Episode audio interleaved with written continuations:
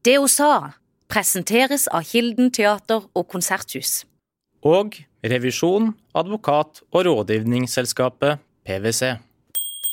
Det er jo sånn at når du kommer i noe sosialt eller på noe, så spør alle ja, jobber du med? Kanskje folk ikke skal spørre meg det. Kanskje hva driver du med? Eller noe sånt. For det er med en gang du skal alle spørre om jobber du med, hva har du gjort? Det er ikke alle som vil gå i sånne til, tilstelninger, f.eks., hvis de vet at de blir spurt om sånne ting.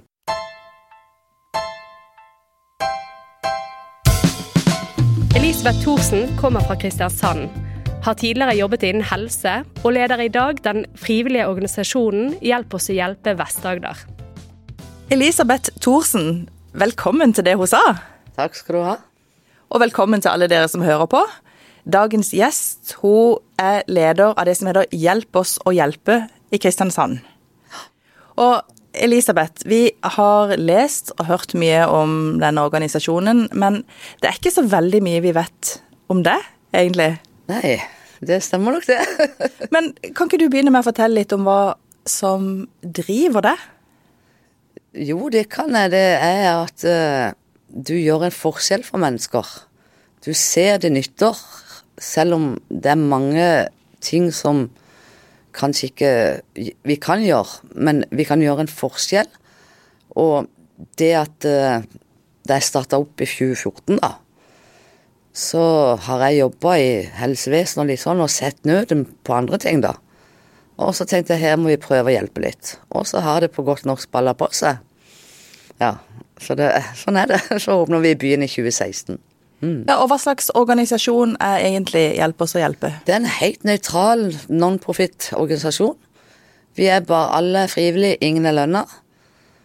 Og vi alle har eh, hjertet på rett plass, som vi pleier å si. Så driver det og er heldig, har frivillige som aldri slutter, så vi er en stabil gjeng. Mm.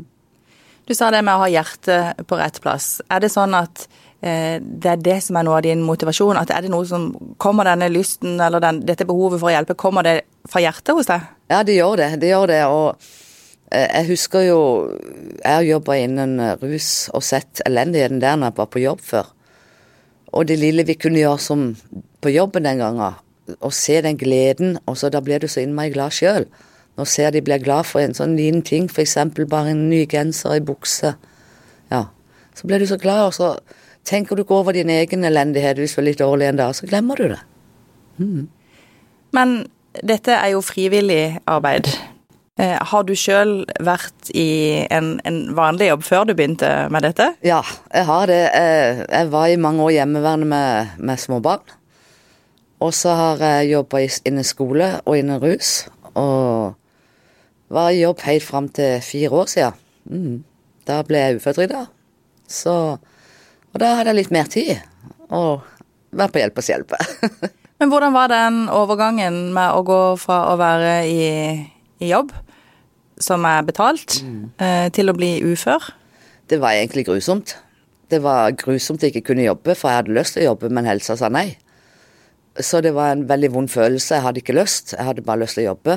Og jeg måtte jo jobbe veldig med det sjøl for å ikke være liksom i jobb som alle andre gjorde. Alle gikk jo på jobb, og det var flaut å si du var på uføretrygd og litt sånn, da.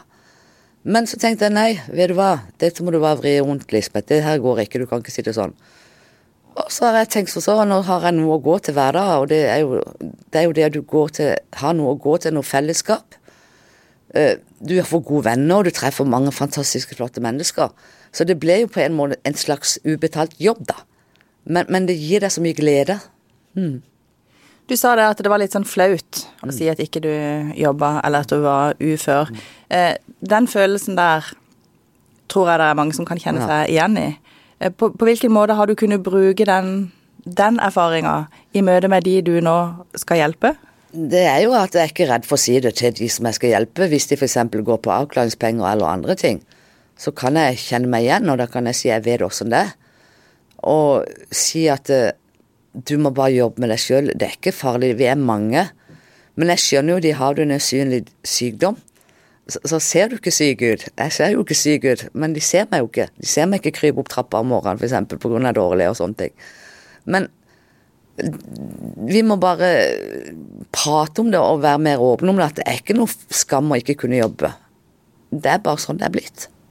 Hvordan tror du at vi som samfunn kan bli flinkere til å ikke dømme og til å inkludere? For det er jo fort gjort at en tenker at, eller at en skiller veldig mellom de som jobber og de som ikke jobber. Og det er vel igjen det som gjør at mange faller Utenfor. utenfor. Ja, det er jo det. Jeg- jeg- Det er jo sånn at når du kommer i noe sosialt eller på noe, så spør alle ja, jobber du med?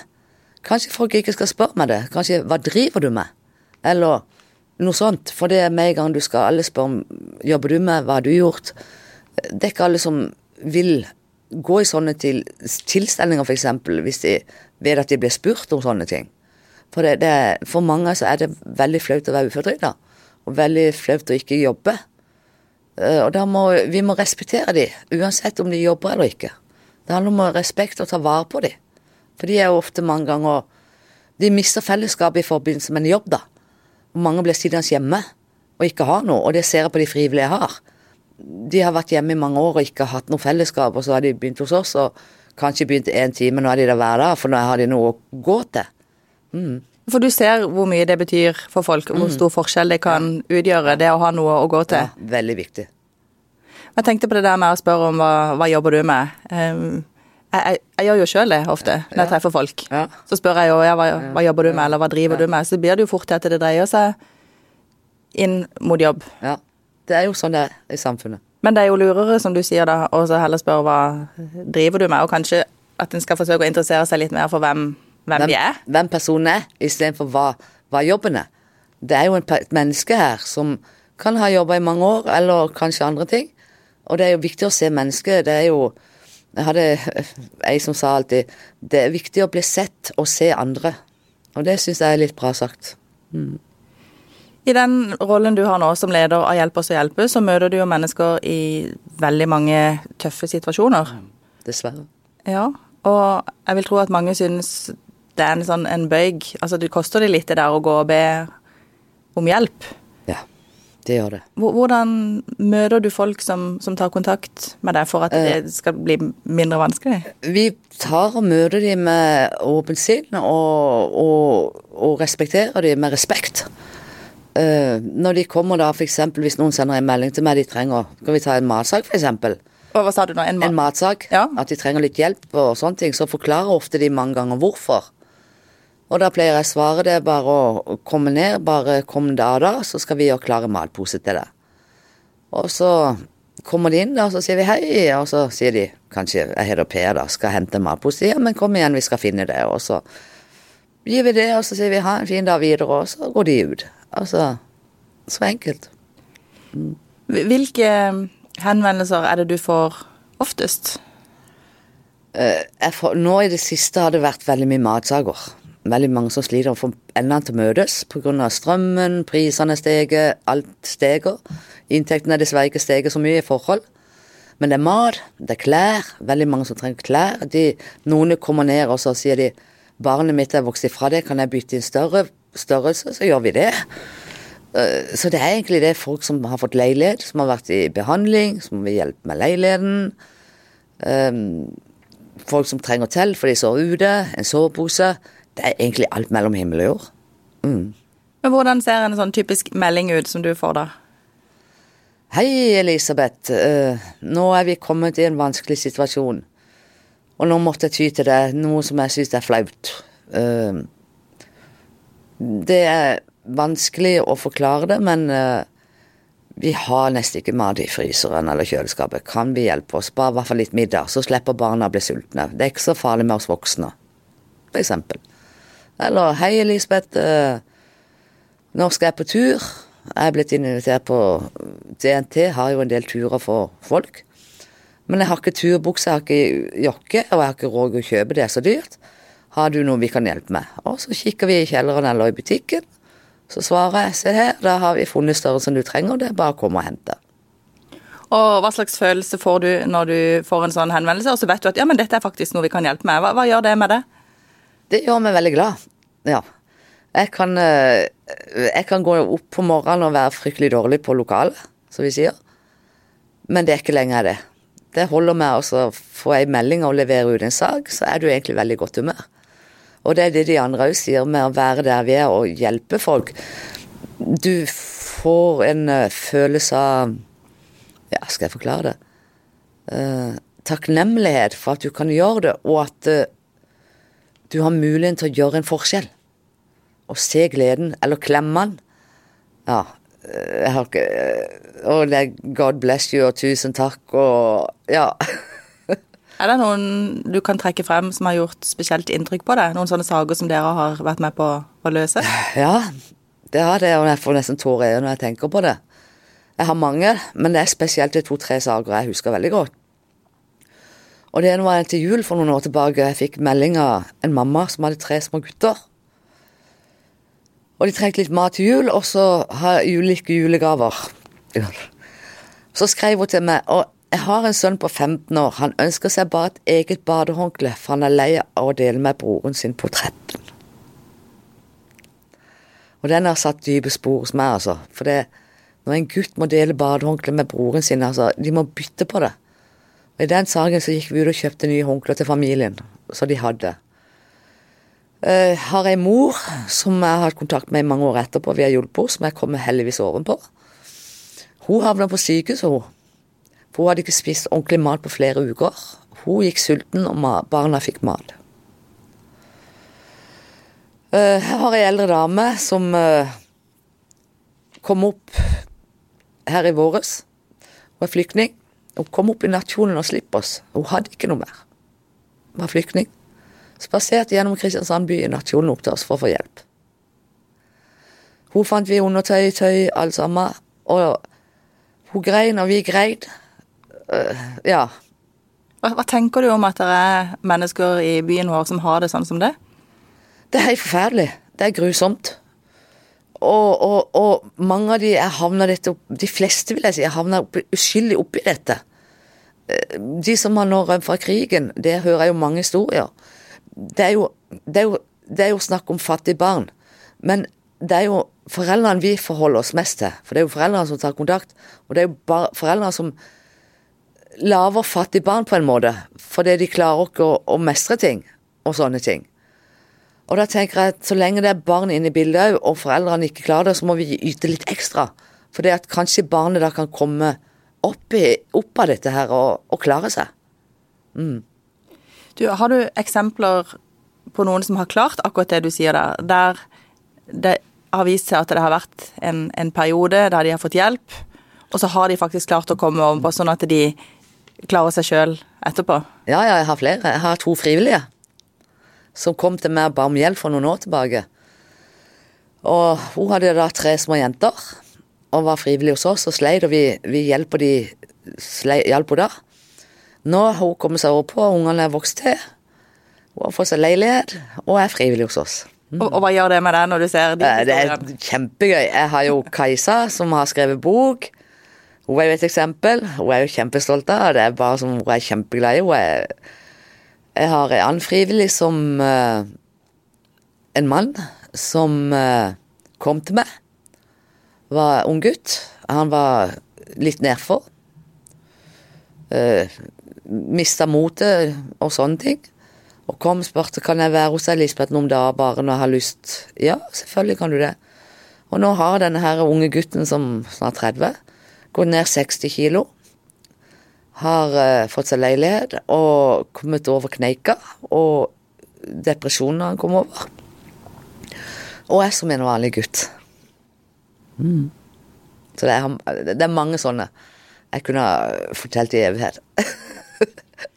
Men den um, ja, organisasjonen Hjelp oss å hjelpe, den, jo, den består jo av frivillige. Der har en butikk ja. der folk kan komme og, og, plukke det de trenger, og der ja. også folk kan levere. Og så hjelper dere konkret når dere får meldinger. Ja, det gjør vi hele tida. Men det er jo et team av frivillige. Ja. Og det å lede frivillige er noe annet enn å lede noen på en arbeidsplass, vil jeg tro. Men det er sikkert en del likheter òg? Jo, det er det nok. Ja, men... Aldri jeg leder en bedrift, så jeg vet ikke. Nei, Men du leder jo en slags bedrift nå? Ja, men samtidig så er det her Her er alle frivillige. Ja, hvordan er det? Jo, det er sånn at det som er så deilig der og, hos oss, er at Vi, mandag, onsdag, fredag, da har vi butikken oppe, og da er det jo dessverre kø, som det kom fram i media. Så vi møtes eh, Vi begynner egentlig halv elleve, men de fleste kommer klokka ni.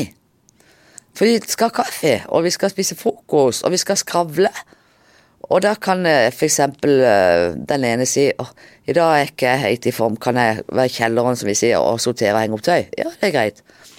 Kan jeg ta døra i dag, for i dag er jeg litt sånn, jeg har lyst til å gjøre det. Så vi velger egentlig hva vi vil gjøre. Vi har ikke noe sånn du skal gjøre det, du skal gjøre det. Ingen har noen fast oppgave, vi gjør det vi orker.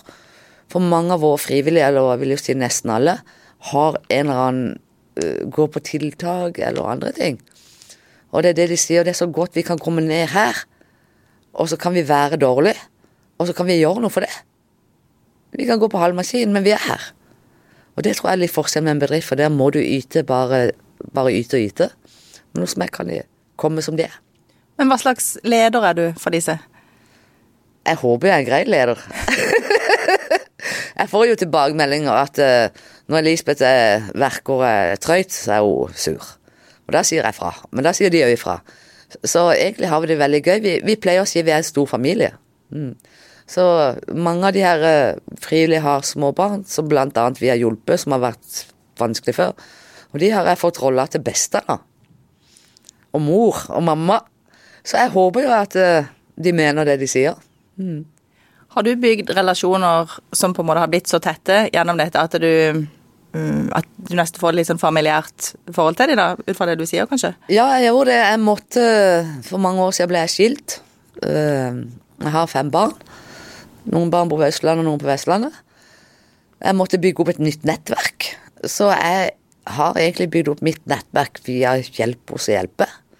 Så vi møtes utenom òg. Vi har veldig mye sosialt. Uh, så det er Vi er som en stor familie, da. Ja, vi går inn og ut hos hverandre og Ja. Det er bare Det er ikke noe sånn ork å være sammen med noen. Det er bare gøy og hyggelig og kos, og vi gir hverandre en klem og Hvis min telefon ringer og det står Charlotte, dattera mi, så kan fint noen andre si 'hei, det var meg'. Ja, kan du si det til mamma? Ja. Mam, Elisabeth, bla, bla, bla. Så er jo som å komme inn i stua, på en måte. Mm. Du har fem barn. Ja. Hvordan har du tatt med deg jobben eller det engasjementet du har um, hjem? Jo, det er jo det at de to barna som bor igjen i Kristiansand, som har tre barnebarn, de er jo vokst opp med dette barnebarna, da. Så de er med meg. De er med og hjelper. og De syns det er kjempegøy å være på butikken og hjelpe. Og guttungen og jentungen som bor i Kristiansand, de er med frivillige.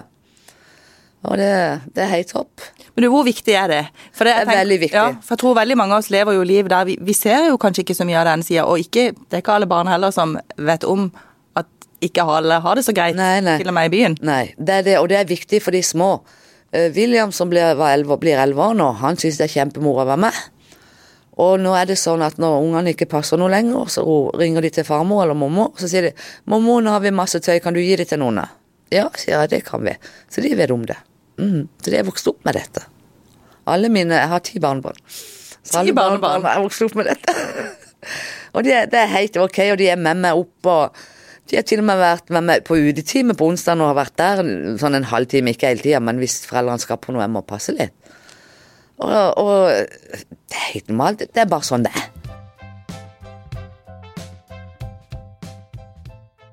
Vi har begynt med et nytt innslag i det hun sa. Foreløpig kaller vi det for en shout-out, i mangel av et bedre norsk ord.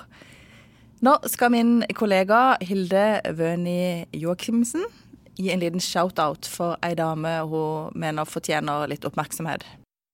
Jeg heter Hilde Wøni Joakimsen, og jeg har intervjua Kristine Vaseland, som fikk livmorhalskreft, og som nå er kreftfri. Nå er hun full av eh, energi, hun lever enda sterkere enn før, og hun har en sterk oppfordring til alle oss andre om å ta celleprøve og sjekke seg. Saken som hun refererer til, kan du gå inn og lese på fvn.no. De offisielle tallene nå er at det er rundt 3000 barn og unge som vokser opp i fattigdom i Kristiansand. Kan du klare å, med den erfaringa du har, beskrive litt for meg hvordan de har det, og hvordan det er? Ja, altså, det er jo det at disse barna her kanskje ikke får, må overta f.eks. en skolesekk av broren, alle andre får ny. Barna får ikke være med på aktiviteter. Bursdager. Det her opplegget de har med de her fine bursdagene, hvorfor kan de ikke ha en bursdag sånn som vi hadde før i tida? Jeg var hjemme med mange barn. Vi hadde det hjemme med kake og pølse i haven eller i skauen. Det at det skal være så dyrt, det skal være så mye. Det blir så stigmatisert når ikke de har råd. Eh, den 50-lappen eller 100-lappen, og det blir ganske mange 50-lapper og 100-lapper i løpet av et år, den kan ikke alle klare. Kanskje det må gjøres litt der. Må ta en sånn en opprøskning og finne ut at læreren kanskje kan si at nei, vet du hva, nå tar vi foreldremøte, og så lager vi enklere bursdag så alle kan være med. Eh, for det blir så stigmatisert, og da føler de seg utenfor. Aktiviteter. Jeg syns jo jeg syns jo vanlige idrettsaktiviteter skulle være gratis for dem. Mange barn. Altså, la de få lov til å være med på det de vil, uten at det koster skjorta di. Uten at de må ringe mer for fotballsko eller skjortebukse eller øh, fotball. En sekk til trening. For guds skyld, forandre litt på det her systemet, så, så, barna kan være som alle andre barn. Mm. Men vi må heller ikke glemme at oppi dette så er det jo foreldre. Og så er det veldig mye fokus på fattige barn, og det er òg veldig bra. Men dessverre ser vi en økning i fattige, enslige mennesker òg. Og de må vi ikke glemme oppi dette. Som sitter hjemme. På hvilken måte trenger de en annen type hjelp? Nei, jeg har eh, dessverre mange enslige pensjonister og gamle eldre folk som sitter hjemme, som klarer det ikke pga. De forstår ikke hvordan de skal gå inn og søke om diverse støtter digitalt, f.eks. Kan de få hjelp til det hos dere? Eh, jeg er ikke noe flink til det, men jeg henviser de videre. jeg er ikke noe flink. Eh, men vi forklarer de hva de kan gjøre, og hvem de må snakke med. Eh, de er ensomme. Vi har flere som bare kommer inn og tar en kopp kaffe på lokalet. Og er veldig takknemlig for det. Og det er jo blitt veldig mange av de. Og det må vi heller ikke glemme. Vi merker det veldig godt til jul og, og høytider. Mm. Hvis du hadde makt og midler til å gå inn og endre noe i Kristiansand som kunne gjøre at flere fikk det bedre, hvor, hvor ville du begynt? Ja, si det. Det må jeg tenke litt, skal vi se. Jeg ville for det første gjort det enklere å få den hjelpa de har krav på, på et eller annet vis. Jeg har ikke noe svar også, men sånn at det skulle ikke være så tungvint og vanskelig. Ikke alle de papirene, ikke alle Nav. Og så vil jeg ha mennesker på Nav. Jeg vil ikke ha bare datamaskiner. For det er jo viktig. Og så Holdninger til folk. Holdningen? Ja, til mm. folk. Må forandres. Mm. På hvilken måte da? Nei, at vi alle like verdt. Om vi har en jobb som er kjempegodt betalt, eller bil og båt og hytte, så er vi likeverd med de som ikke har verken båt eller hytte og bare liker hybel. Nei, jeg kan ikke svare på hva jeg ville gjort. Jeg tror jeg ville gjort mye. Jeg er så glad jeg ikke er politiker. ja, den jobben er det andre som Ja, de må ta den. Ja. Men de må kanskje begynne å høre og lytte til den vanlige mannen i gala litt. Ikke bare legge plan på plan og plan, og så skjer det ikke noe. Så kanskje de må Kanskje vi skulle satt noen av de politikerne til å sitte på den inntekten noen av de fattige har, og se hvordan de gjør. Så kanskje de hadde tenkt litt annerledes. La de være litt fattige i uke eller to. Er det for mange som ikke vet nok om hvordan en såpass stor del av mennesker i byen vår har det? Ja. Dessverre. Det er det. Jeg tror folk lukker øynene. Jeg tror mange lukker øynene, vil ikke innse at fattigdom fins uansett. Og det har jeg tenkt mye på da kom jeg tilbake til når jeg var hjemme. Jeg var hjemme med barna når de var små. Jeg var hjemme i 12-13 år. Og det var normalt å bare ha én inntekt i den tida. Det er jo noen år siden. Han eldste er 40.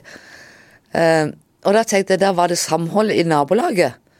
Uh, så hadde kanskje naboen litt for mye plommer, så delte vi. Eller den andre hadde bakt for mye brød, så delte vi. Og så hadde vi det greit sammen. Vi møttes på legeparken.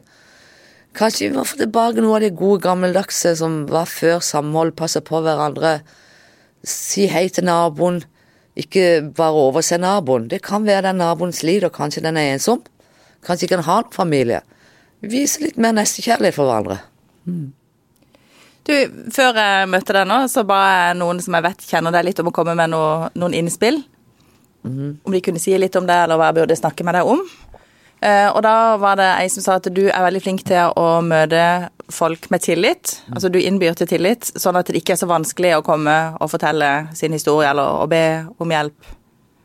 Hva, hva, er, det du, hva er det du gjør som gjør at folk selv. tør Ja, Jeg er bare meg sjøl. ja og hvordan, hvordan er du? Jeg er bare sånn som jeg. Jeg kan ikke helt forklare det. Jeg er bare Jeg er bare meg sjøl. Og jeg tenker Jeg skal ikke være andre enn den en er. Og så er det det at eh, Det kommer hele tida for meg, så er det veldig vis, viktig å vise respekt. Og se mennesket. Og, og ta mennesket som det. Jeg har ikke behov for å vite historiene på alle sammen. Det, det er ille nok fordi jeg tar kontakt med meg enten via Facebook eller noen andre ting, eller en telefon, så er det ille nok. Og da når de da tar kontakt med deg, så har de slitt nok. Og da er det viktig å vise dem litt omsorg og litt sånn Hei på deg, godt å se deg. Men du spør ikke, du driver ikke og sjekker om er det noe du virkelig har behov for. Du bare møter de og sier ja, dette kan vi fikse. Ja, jeg gjør det. Og de fleste, for jeg tenker som jeg sa, at jeg tror de fleste skal over en kneik for å komme og spørre om dette. Så tenker jeg ja vel, hvis de lurer meg, så er det ikke meg som er problemet. Det er de. Det er de som sier det med dårlig samvittighet, ikke meg. Nei. Så enkelt er det. Du, Jeg sendte deg en melding før du kom hvor jeg sa at du skulle få lov til å fremsnakke en annen dame. Og nå ser jeg at du tar opp et papir her. Ja, du skjønner, Ja. jeg har så vanskelig med navn, og det er fordelen. For folk spør meg om ting, og så sier de 'kan du si navnet', så sier jeg 'jeg kan ikke navnet'. jeg. Men jeg har så lyst til å Jeg har egentlig så mange jeg kunne framsnakke på her, her i byen og på Sørlandet. Eh, Du har nevnt Kajsa, hun syns det er veldig bra. Jeg er stolt over hva jeg har gjort, og det sier seg sjøl. Men så har jeg lyst til å legge fram eh, hun eh, Vi har hatt besøk av en journalist fra Femern en gang, på butikken. Conny. Conny, ja. Conny, Conny Bensrud. Takk, ja. Ja. Det hun gjorde, hun la, var der og så det, og var med og deltok og skrev så flott om oss, og har egentlig skrevet masse om byen vår og alt det her eh, hun hadde som ikke jeg husker heter. Og alle de som gjør ting sånn som Conny, setter fattigdom, ensomhet, alt det på dagsorden på en måned. Alle de trenger å bli framsnakka. Det er vanskelig å pelle under, men det er mange. Ja. Så jeg kan ikke liksom ikke si den og den og den. Men det er liksom de jeg slo meg først, det er Conny og, og Kajsa. Og jeg, jeg må jo si, jeg er fryktelig stolt av Kajsa som jeg kommer der hun er. ja, og hun har både lagd film, og nå i disse dager har hun akkurat gitt ut en bok. Jeg var på boklanseringa i går, så det var veldig gøy. ja. Ja. Og så har jeg lyst til å framsnakke alle de andre flotte organisasjoner som er her både med i Kristiansand. For sammen og samarbeide, sammen kan vi gjøre, gjøre masse forskjellig. Vi kan, noen gjør én ting, jeg gjør én ting, de andre gjør én ting. Og da er det viktig at vi kan samarbeide, og det gjør vi jo. Jeg kan ringe en annen organisasjon, kan ikke hjelpe, det kan dere. Ja. Så, så vi alle trenger det. Hvis noen av de som hører på kjenner at eh, jo, jeg har tid til overs og jeg har lyst til å hjelpe, hvis de har blitt inspirert av det, Ja. eh, har du plass til flere frivillige? Å ja, ja, vi får masse å gjøre fremover, så jeg gjør det. Så vi, vi trenger, kan du si, vi trenger ofte litt sjåfører. Så hvis du har bil og har god tid, så bare ring meg. Men vi kan jo ikke dekke noe bensin, da. alt er jo frivillig, da. Men hvis du har bil og litt drivstoff Så kom en igjen, skal du få en klem som takk. Mange damer som gir klemmer til mennene, og vi, vi har det veldig gøy. Vi er ikke farlige. Du, jeg leste at det var eh, Det kan være at det har endra seg, men at det er veldig mange aleneforsørgere, og gjerne alenemødre, som dere har hjulpet opp igjennom. Og alene, ja, fedre. Aleneforsørgere. Ja. Mm. Er det fremdeles sånn at det er de som oftest tar kontakt? Nei, ikke bare det nå. Familier nå. Vi merker mye familier med barn. Mm. Det er økt. Familiene har økt. Vi har de enslige òg, og forsørgerne og hjem og sånne ting. Men vi ser det er mye mer familier som tar kontakt. Som har ett til to barn. Gift. Og spesielt etter pandemien merker vi det. Som ikke fikk jobben tilbake. For det er ikke alle som har fått jobben tilbake, for de tør ikke, og så kommer strømkrisa, og så kommer alt det andre. Når du tenker når du tenker på de kommer opp på butikken, vi har åpent tre dager i uka. Vi har to dager i uka, så vi tar andre som kanskje ikke kan levere når det er folk pga. sykdom, sykere, Altså Noen har angst, det er helt greit. Da tar vi det inn de dagene ikke vi har butikken åpen, så de kan få hjelp. Og det Og når du står i kø en time for å komme inn, for vi, vi, vi har dessverre kø, så tenker jeg Der har du respekt for de damene og mennene som står der, altså. For at de gjør det. Alle ser det jo.